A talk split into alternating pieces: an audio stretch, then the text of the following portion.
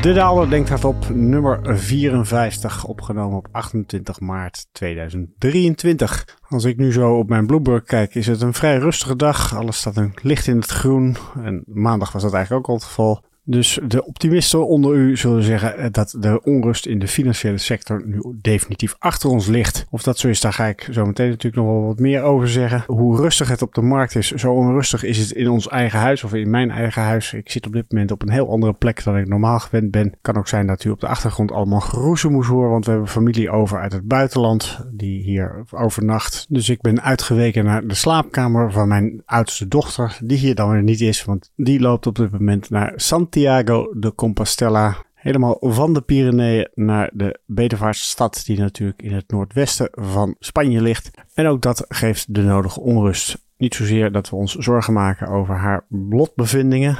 Er lopen een mannetje of 60 per dag met haar ongeveer diezelfde route. Ze loopt alleen trouwens, maar er zijn heel veel andere wandelaars die ook richting het bedevaartsoord gaan. Dus daar maak ik me eigenlijk helemaal niet zoveel zorgen over. Het is meer de foto's die ik te zien krijg van die strak blauwe luchten, mooie bloemen, wijdse vergezichten. En ja, dat geeft bij mij heel wat onrust. Want wat doe je nou liever? Mooie wandeling maken in de buitenlucht of binnen zitten en een podcast opnemen? Ach, dat weten toch allemaal. Podcast opnemen is veel leuker. Mocht u nou nieuw zijn, mijn naam is Lucas Daalder. Ik ben stratege bij BlackRock, Chief Investment Strategist, als je de volle titel wil gebruiken. En ik neem wekelijks de Daalder Denk Hardop op, waarbij ik inderdaad stilsta bij wat er gebeurt in financiële markten. Dingen die ik lees in blogs, in kranten en uiteraard wat ik hoor op podcast. En we hebben wat dat betreft ook altijd de vaste rubriek, de podcast tip. De semi-vaste rubriek OOO, opmerkelijk onbesproken en onbelicht. Of ik weet niet waar die derde O ook weer voor stond. En u kunt natuurlijk altijd uw vragen stellen bij vraag.daalder.blackrock.com. Maar misschien belangrijker nog, deel deze podcast met al uw vrienden, familie, boeren en buitenlui. Voor zover die term niet inmiddels beladen is. Want hoe meer zielen, hoe meer vreugd.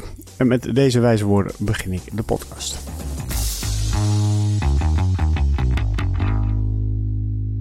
Voordat ik mijn blik dan toch echt richt op de financiële markten en de ontwikkelingen al daar. Ik had de afgelopen week uiteraard een vrij drukke week. Er gebeurt veel in financiële markten, dus dan krijg je vanzelf dat er meer klanten vragen van, goh, hoe kijken jullie tegen de wereld aan? Maar ik had ook een hele drukke week qua verschillende events. Zo was ik op dinsdagavond nog bij Links om een uitleg te geven over waar rendement nou precies vandaan komt. Ik zou zeggen Google Links Masterclass en Daalder. En dan vind je waarschijnlijk wel de link naar het filmpje wat hiervan gemaakt is. Het leuke daarvan is dat je dan ook echt heel specifiek grafieken kan laten zien. Dat is een nadeel van een podcast. Dan moet je altijd alleen alles met woorden doen. Maar hier kon ik dus ook specifieke grafieken laten zien om het een en ander te ondersteunen. Nou ja, als je een aandeel koopt, dan kan je natuurlijk zeggen: ik koop een deel van de winst. Maar goed, die winst, waar komt die dan weer vandaan? Van de groei van de economie. Maar dan blijkt er toch aardig wat lucht te zitten tussen de groei van de brede economie en met name het beursgenoteerde bedrijfsleven. Dus daar kan je dan allerlei kanttekeningen bij plaatsen. Maar zelfs als je dat dan hebt uitgeplozen, dan zie je dat er ook een behoorlijk verschil is tussen het rendement wat je krijgt, ligt veel hoger dan de winstgroei die eigenlijk over een langere periode heb gehad. Nou, best aardig om te zien. Ook zeker de moeite waard om over na te denken. Wellicht zelfs iets voor een langer durende aflevering van deze podcast.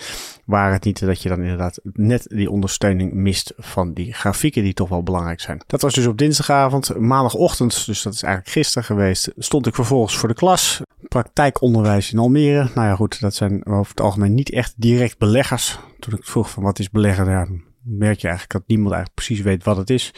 Dus dan moet je echt wel helemaal terug naar de basis en uitleggen wat nou het verschil tussen sparen en beleggen is. Waarbij je toch ook snel merkt dat sommige termen die je regelmatig gebruikt, toch niet zo heel erg gangbaar zijn voor in elk geval dit publiek. Dus zoiets als rente, ja, als je jong bent en je hebt eh, de afgelopen tien jaar op de middelbare school gezeten, er was geen rente, dus waar heb je het over? Probeer dat maar eens uit te leggen. Of rendement, dat is iets waarvan je denkt, ja, dat is toch heel simpel. Rendement, nou, wat ik al eerder aangaf, waar komt rendement vandaan bij aandelen? Ja, dat zijn een term als rendement, wat is het eigenlijk? Dus dan moet je veel meer echt met voorbeelden gaan werken. Ik heb 100 euro, 7% rendement betekent dat ik na een jaar 107 euro heb. En om het verhaal helemaal compleet te maken. Naast klantenbezoeken had ik vervolgens ook nog op donderdag namiddag een optreden samen met Han de Jong voor het VBA CFA congres ten aanzien van inflatie. Wat te verwachten van wat inflatie gaat doen. Hierbij had ik het standpunt dat inflatie de komende tijd hoger zou liggen. Met allerlei argumenten natuurlijk. En Han deed daarbij heel erg zijn best om aan te tonen dat het allemaal maar onzin zou zijn. De toekomst zal het leren. Maar goed, dit ook weer onder het kopje onrust. Ook de afgelopen week was het dus vrij veel schakelen voor mij tussen verschillende niveaus, verschillende onderwerpen. Dus ook deze week ben ik een beetje zoekende naar wat nou precies de grote thema's van het moment zijn. Nou, ik denk dat je daar in ieder geval één thema met kop en schouders bovenuit ziet springen. Dat is ook de vraag die bij alle klantenbezoeken regelmatig gesteld was. We hebben nu Silicon Valley Bank gehad. We hebben nu Credit Suisse gehad. Wat is het volgende probleem wat zal opduiken? Die vraagstelling is natuurlijk wat eenzijdig. Het suggereert dat er sowieso nog een probleem moet komen. Het hoeft zeker niet het geval te zijn. En volgens mij heb ik vorige week ook al behandeld dat ik denk dat eigenlijk de risico's ten aanzien van de ongerealiseerde obligatieverliezen, dat dat probleem voor een groot gedeelte ondervangen is. Met name ook door de nieuwe maatregelen die door de Federal Reserve zijn bekendgemaakt. Misschien nog even één stap terug. Waar hebben we het precies over? Nou, in 2022 hebben we een forse correctie gezien in de wereldwijde obligatiemarkten. Kapitaalmarktrentes liepen hard op, met als gevolg dat de waardeontwikkeling van die obligaties sterk onder druk kwam. Als je puur kijkt naar wat voor verliezen, nou, procent of 10, 15, 20 procent was niet vreemd. Wat wel ongewoon was, want in alle 40 jaar daarvoor was dat eigenlijk nog nooit zo voorgekomen in die mate. Nou hoef je die verliezen nooit te nemen. Zeker niet als je een financial bent. Je kan een obligatie kopen en vasthouden. En volgens de boekhoudkundige regels held to maturity de nominale waarde van de obligatie in de boek hebben staan. Maar dat roept natuurlijk toch wel een beetje de vraag op hoe ziet die balans er nou uit als die verliezen wel gerealiseerd zouden moeten worden. Die koude douche was ook het probleem bij Silicon Valley Bank. Daar verkocht men 10 miljard van eh, de staatsobligaties en realiseerde daar een verlies van 1,8 miljard op. Misschien kloppen de getallen niet helemaal, maar die orde van grootte moet je het wel zoeken. En daarmee was het probleem opeens zichtbaar geworden. Elke financiële instelling met grote posities in obligaties was daarmee verdacht, waarmee dus met name de financiële waarden behoorlijk onder druk kwamen te staan. Banken, verzekeraars, ook rond pensioenfondsen waren natuurlijk de nodige vragen van oké, wat gebeurt er nou eigenlijk met die verliezen? Nou, het antwoord is denk ik niets. In die zin, als je die obligaties gewoon houdt tot aan het einde, dan hoef je die verliezen nooit te realiseren. En dankzij de maatregel van de Federal Reserve, dat in elk geval de staatsobligaties, de Amerikaanse staatsobligaties, niet langer tegen de marktwaarde als onderpand kon worden aangeboden, maar tegen de, nominale waarde was daarmee eigenlijk het aanhouden uit het probleem. Overigens zegt dat niks over de nervositeit, want vorige week zagen we natuurlijk opeens toch weer dat bijvoorbeeld de Deutsche Bank en daarmee eigenlijk alle Europese banken weer behoorlijke tik naar beneden kregen. Niet dat er een specifieke aanleiding voor was, maar je ziet gewoon deze markt is het eerst verkopen en dan pas vragen stellen. Maar goed, de centrale vraag die ik dus bij veel klanten krijg is er nog meer aan de hand? Wat kan er nog meer gebeuren? En het eerlijke antwoord is dat je dat eigenlijk niet kan weten als buitenstaander. Nogmaals, ik maak me niet zoveel zorgen over die ongerealiseerde verliezen van de obligatieportefeuille. Maar als je de volatiliteit van de afgelopen weken ziet, ja, kan je best voorstellen dat daar hier en daar eens een keertje iets misgaat. Zeker als je handelt in wat over het algemeen te boek staat als relatief stabiele waarden, zoals obligaties, en je ziet daar opeens daar hele grote volatiliteit, ja, dan is het nooit uit te sluiten dat daar verliezen worden geboekt. Overigens moet je daarbij voornamelijk denken aan hedge funds, specifieke partijen die een hele specifieke positie hebben ingenomen. Ik geloof niet dat dit nou echt een probleem is voor banken. Daar is het risicomanagement inmiddels op dusdanig niveau dat dit soort eh, bloepers eigenlijk relatief beperkt zullen zijn en zeker geen bankgevaar zullen opleveren. Overigens kunnen ook hedge funds natuurlijk grote impact hebben op markten in de brede zin. Dat hebben we in het verleden wel vaker gezien. Omvallende hedge funds die gedwongen worden om posities te sluiten kunnen tot vreemde uitschieters in markten leiden. Ik zou dan alleen wel verwachten dat dat ergens de komende twee weken een keertje langskomt. Dus als er de komende twee weken geen bericht is over een hedge fund in problemen, denk ik dat je deze ook wel weg kunt strepen. Meer structureel probleem heeft te maken met het depositogarantiestelsel van de banken in Europa en met name ook Amerika. Wat de crisis rond Silicon Valley Bank ook duidelijk heeft gemaakt, is dat er eigenlijk een heel groot deel van die deposito's niet onder dat garantiestelsel valt. Bij Silicon Valley Bank ging het om ongeveer 90% van alle deposito's die ja, te hoog waren. Dus de depositogarantie in Amerika die ligt op 250.000 dollar. 90% van de uitstaande deposito's bij Silicon Valley Bank lagen daarboven. Dus waren at risk. Ja, en dat is in, natuurlijk in een wereld van internetbankieren. Dat betekent een behoorlijk vluchtgevaar.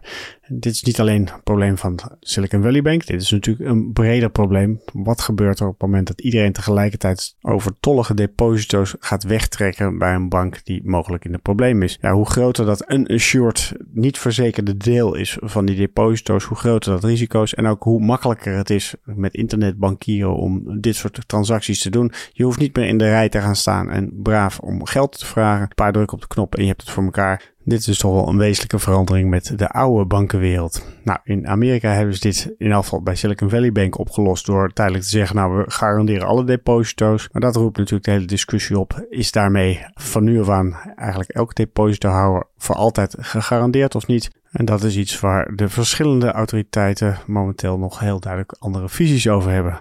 We hebben de afgelopen twee weken interactie gehad tussen Paul en Janet Yellen over deze vraag, die toch duidelijk een wat afwijkend standpunt innamen, alle twee. Achterliggende probleem hierbij is natuurlijk dat op het moment dat je iedereen garandeert, er ook geen enkele garantie meer is, geen enkele prikkel meer is voor een bank om heel erg braaf de risico's te beperken. Met als gevolg dat je een veel riskanter systeem creëert. En hetzelfde geldt ook voor depositohouders. Er is geen enkele reden meer om nog enige risicoanalyse te doen. Je gaat gewoon naar de bank die de meeste rente biedt. Denk Ice Safe, maar dan in het kwadraat. Er is geen enkele reden om hier al te veel tijd in te steken. Want ja, je krijgt je geld toch wel terug. Nou, hebben we daarmee alle risico's benoemd? Nee, vast niet. Er zijn natuurlijk altijd risico's die je nog niet kan zien. Maar als ik even terug vergrijp op een artikel van de Wall Street Journal van de afgelopen week, luistert naar de titel Where Financial Risk Lies in 12 Charts, ben ik al een heel eind op weg. 12 charts, dat doet suggereren dat er ook echt 12 risico's zijn. Daar, dat is zeker niet. Een van de charts was bijvoorbeeld gewoon de ontwikkeling van de Federal Funds Rate. En veel van de charts waren eigenlijk twee keer hetzelfde. Dus zeker geen 12 risico's. Maar goed, als je die risico's erbij dan wordt er één sector nog wel genoemd. En die zie ik ook inderdaad wel vaker terugkomen. De commercial real estate risks. Die zijn aan het toenemen. Enerzijds heeft het te maken met de vacancy rates. Dus hoeveel kantoorpanden er nou eigenlijk leeg staan. Met dank ook nog aan de thuiswerksituatie als gevolg van COVID. En anderzijds heeft het natuurlijk te maken met de financiële ontwikkeling. Veel van de rentes zijn behoorlijk opgelopen. En dat betekent dus dat de financieringskosten voor deze kapitaalintensieve tak van sport ja, ook behoorlijk zijn opgelopen. En ik quote hier even het artikel in het Engels. Unrealized losses on commercial real estate debt securities reached 43 billion last quarter FDIC data shows. Bank held 444 billion of these securities at the end of 2022. Nou, daar ligt dus dan inderdaad toch wel weer een bedreiging voor de financiële sector. Op het moment dat hier grootschalig bedrijven in betalingsproblemen komen, ja, dan kan dat natuurlijk ook wel weer de balans van die banken aantasten. Ook de Financial Times kwam met een dergelijke conclusie. Commercial Property Risk Rise Up Bank Investors Worry List. Waarbij uiteraard de conclusie was dat hoe meer exposure je als bank hebt naar deze sector, hoe meer risico je loopt. Uiteraard is dat een correcte constatering, dus zeker een risico. Maar aan de andere kant zou ik ook zeggen, dit is natuurlijk wel wat de Federal Reserve bewust juist nastreeft. We proberen die economie af te koelen. En dat daar op een gegeven moment ook bepaalde sectoren de kosten voor moeten dragen, lijkt niet meer dan een vrij logische conclusie. En ook hier hangt natuurlijk een beetje de zweem van, oh, dit wordt weer 2008. Want toen was het ook de vastgoedsector, met name de huizen, de mortgage market, die een centrale rol speelde in de crisis. Nou, het voordeel van de huidige situatie is dat het grootste gedeelte van dit soort loans, leningen, niet verkocht zijn, gebundeld zijn en weer verkocht zijn in pakketten. Zodat niemand weet waar het risico ligt. Het grootste gedeelte van deze leningen staat gewoon op de boeken van de verschillende banken. Dus ja, dit is een probleem. Maar je mag tegelijkertijd ook aannemen dat de meeste bankanalisten hier ook al naar gekeken hebben. En zich dus ook al wel bewust zijn van die risico's. Als je dan vervolgens het artikel van de Wall Street Journal er weer bij pakt, dan zie je eigenlijk dat er nog één risico resteert. En dat is private equity, die veel geld hebben binnengehaald. Ik zou zeggen, dat is inderdaad altijd een risico. Maar dan met name een risico voor de mensen die geld verstrekt hebben. En dat zijn over het algemeen van die toezeggingen die heel lang lopen. Dus ik kan me nou niet voorstellen dat hier nou een acuut probleem uit ontstaat. Ik vermoed ook dat het wat kortzichtig is om heel private equity over één kam te scheren. Dus ik kan me best voorstellen dat er in bepaalde pockets minder rendementen worden behaald. Maar of dat dan nou toe gaat leiden dat er allemaal problemen ontstaan in de financiële sector, dat lijkt me eigenlijk hoogst onwaarschijnlijk. Lagere rendementen, zeker mogelijk, maar niet echt een acuut probleem. Nou moet je hierbij natuurlijk wel in ogenschouw nemen dat ik slechts een Chief Investment Strategist ben. En dus niet alle posities van alle private equity firms uit mijn hoofd ken. Dus dat daar wellicht meer risico's zijn dan ik op dit moment vermoed, is ook niet uit te sluiten.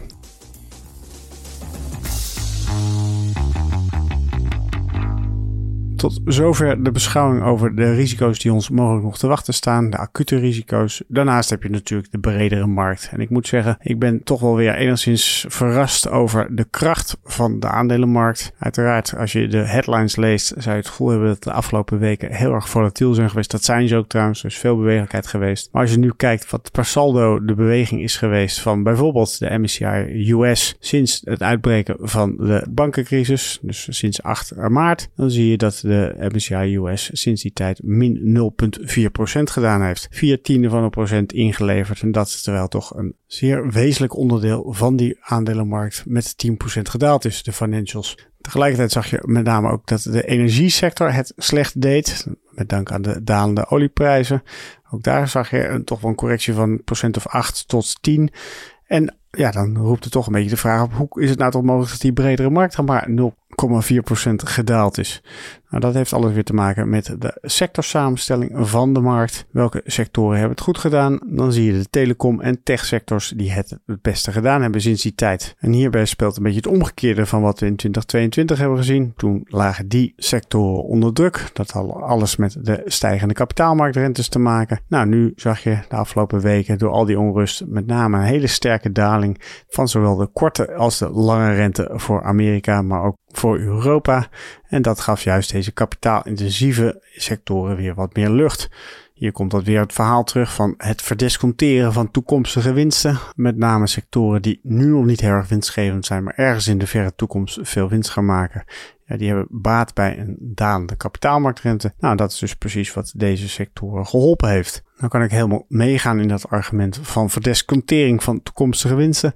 Maar waar ik dan weer wat moeite mee heb, is met name de verwachting voor de nabije toekomst. Hoe je het ook bent of keert, de afgelopen ontwikkelingen hebben ertoe geleid dat de economische vooruitzichten zeker niet verbeterd zijn. Onzekerheid over de financiële sector, liquiditeit die opdroogt bij regionale banken, kredietverlening die in problemen komt, onzekerheid over die commercial real estate die ik net al noemde. Ja, dat zijn allemaal factoren die natuurlijk toch echt ook reëel economische gevolgen zullen hebben, waarmee je kan verwachten dat ook de winstontwikkeling dit jaar onder druk komt. En dat zie je tot nu toe nog onvoldoende terug. Je ziet eigenlijk dat de consensus nog steeds rekent met een gematigde winstgroei voor het jaar. Procent of 4, 5 voor de komende 12 maanden om precies te zijn. Bovendien kun je je sterk afvragen of de renteverwachtingen die je nu in de markt ziet wel realistisch zijn. Je ziet dat de markt voor zowel Amerika als Europa steeds meer begint te twijfelen aan eh, nog een laatste renteverhoging. Maar vervolgens zie je dat er wel al heel snel een renteverlaging is ingeprijsd. Zo zie je voor Amerika de huidige target rate is 5%. Maar de markt handelt of verwacht eigenlijk dat dat tegen het einde van dit jaar gedaald zou zijn naar ongeveer 4,25%. Drie renteverlagingen op rij zitten er alweer ingeprijsd. Of dat nou zo realistisch is gegeven die zeer hoge inflatie en ook gegeven de verwachtingen van de Federal Reserve zelf dat die inflatie zeker niet dit jaar, maar ook volgend jaar eigenlijk niet tot de gewenste 2% kan worden teruggebracht, vraag ik me eigenlijk wel af. Dus eigenlijk zit de aandelenmarkt op dit moment op een vrij zonnig scenario Qua winst lijkt er niks aan de hand. We gaan nog steeds een keurige winstgroei laten zien. Maar dankzij een komende recessie, niet een winstrecessie, maar wel een recessie, zal de beleidsrente al vrij snel weer naar lagere niveaus kunnen gaan. What could go wrong? Dit is trouwens precies dezelfde rentecurve die we in begin februari hadden. En toen zag je ook al snel daarna wat er met de rentecurve gebeurde. De macrodata bleef veel sterker. De renteverwachtingen werden behoorlijk opgeschroefd. En dat had ook inderdaad wel gevolgen voor de bredere markt wordt vervolgd wat mij betreft. Oh, dan hebben we natuurlijk nog de podcast tip. Ja, dat is er eentje die ik mee heb gekregen. Ik heb me er niet echt zelf op geabonneerd, maar hij is wel erg leuk moet ik zeggen. Dus luister hem serieus. En dat is de podcast tip die ik automatisch krijg als je je abonneert op de daily van de Financial Times. En hij heet eigenlijk The Quantum Revolution. Misschien is het ook wel een losstaande podcast. Dus zou ik zeggen, zoek er eventjes naar. De Quantum Revolution is een meerdelige serie die gaat over de bouw van een quantumcomputer. Wat is het nou eigenlijk? Vorige week legde ze keurig uit wat Schrödinger's kat nou ook weer precies inhield en hoe dat dan zich vertaalde naar een computer. Maar ook wat kan er mee gebeuren? Welke risico's liggen daarbij op de loer?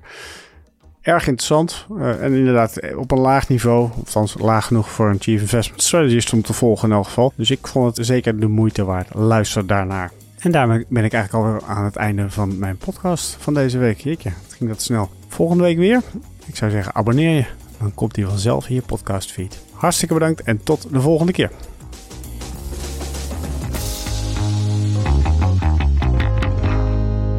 Risicowaarschuwingen. Beleggingsrisico. De waarde van beleggingen en de opgebrachte inkomsten kunnen variëren. Het is niet zeker dat u uw oorspronkelijke inleg terug ontvangt. Dit is een marketinguiting. In het verleden behaalde resultaten geven geen betrouwbare indicatie van het huidige of toekomstige rendement en dienen niet als enige criterium te worden genomen bij de selectie van een product of strategie. Veranderingen in de wisselkoersen van valuta's kunnen ertoe leiden dat de waarde van beleggingen stijgt of daalt. Deze schommelingen kunnen bijzonder sterk zijn bij een fonds dat blootstaat aan een hogere volatiliteit en de waarde van een belegging kan plotseling en zeer sterk dalen. De fiscale regelgeving waaraan beleggingen onderworpen zijn en de hoogte van de belasting kunnen in de loop der tijd wijzigen. BlackRock kan op elk moment besluiten een fonds niet langer aan te bieden. Belangrijke informatie. Deze podcast is alleen bestemd voor professionele beleggers volgens de MIFID-richtlijn. Andere personen dienen niet op de hier geboden informatie te vertrouwen. Deze podcast is uitgegeven door BlackRock Netherlands BV, dat een vergunning heeft verkregen en onder toezicht staat van de Nederlandse Autoriteit Financiële Markten. Officiële zetel Amstelplein 1 1096 HA Amsterdam. Telefoonnummer 020 549 5200. Ingeschreven in het handelsregister onder nummer 170 Om u te beschermen worden telefoongesprekken doorgaans opgenomen. Alle in deze podcast vermelde researchgegevens zijn verstrekt door BlackRock en kunnen door BlackRock inmiddels voor eigen doeleinden gebruikt zijn. De resultaten van dergelijke research worden slechts incidenteel verstrekt. De hier geuite visies vormen geen beleggingsadvies en kunnen aan verandering onderhevig zijn. Ze weerspiegelen niet altijd de gezichtspunten van een bepaalde onderneming binnen de BlackRock groep of van een afdeling daarvan en de juistheid ervan kan niet worden verzekerd. Deze podcast is uitsluitend bestemd ter informatie. Het vormt geen aanbod of uitnodiging om te beleggen in een van de fondsen van BlackRock en is niet opgesteld in verband met een dergelijk aanbod. Copyright 2023 BlackRock Incorporated. Alle rechten voorbehouden. BlackRock is een geregistreerde handelsnaam van BlackRock Incorporated en haar dochterondernemingen in de Verenigde Staten en daarbuiten. Alle andere handelsnamen zijn van de respectievelijke eigenaren. Deze podcast mag niet worden verspreid zonder toestemming van BlackRock.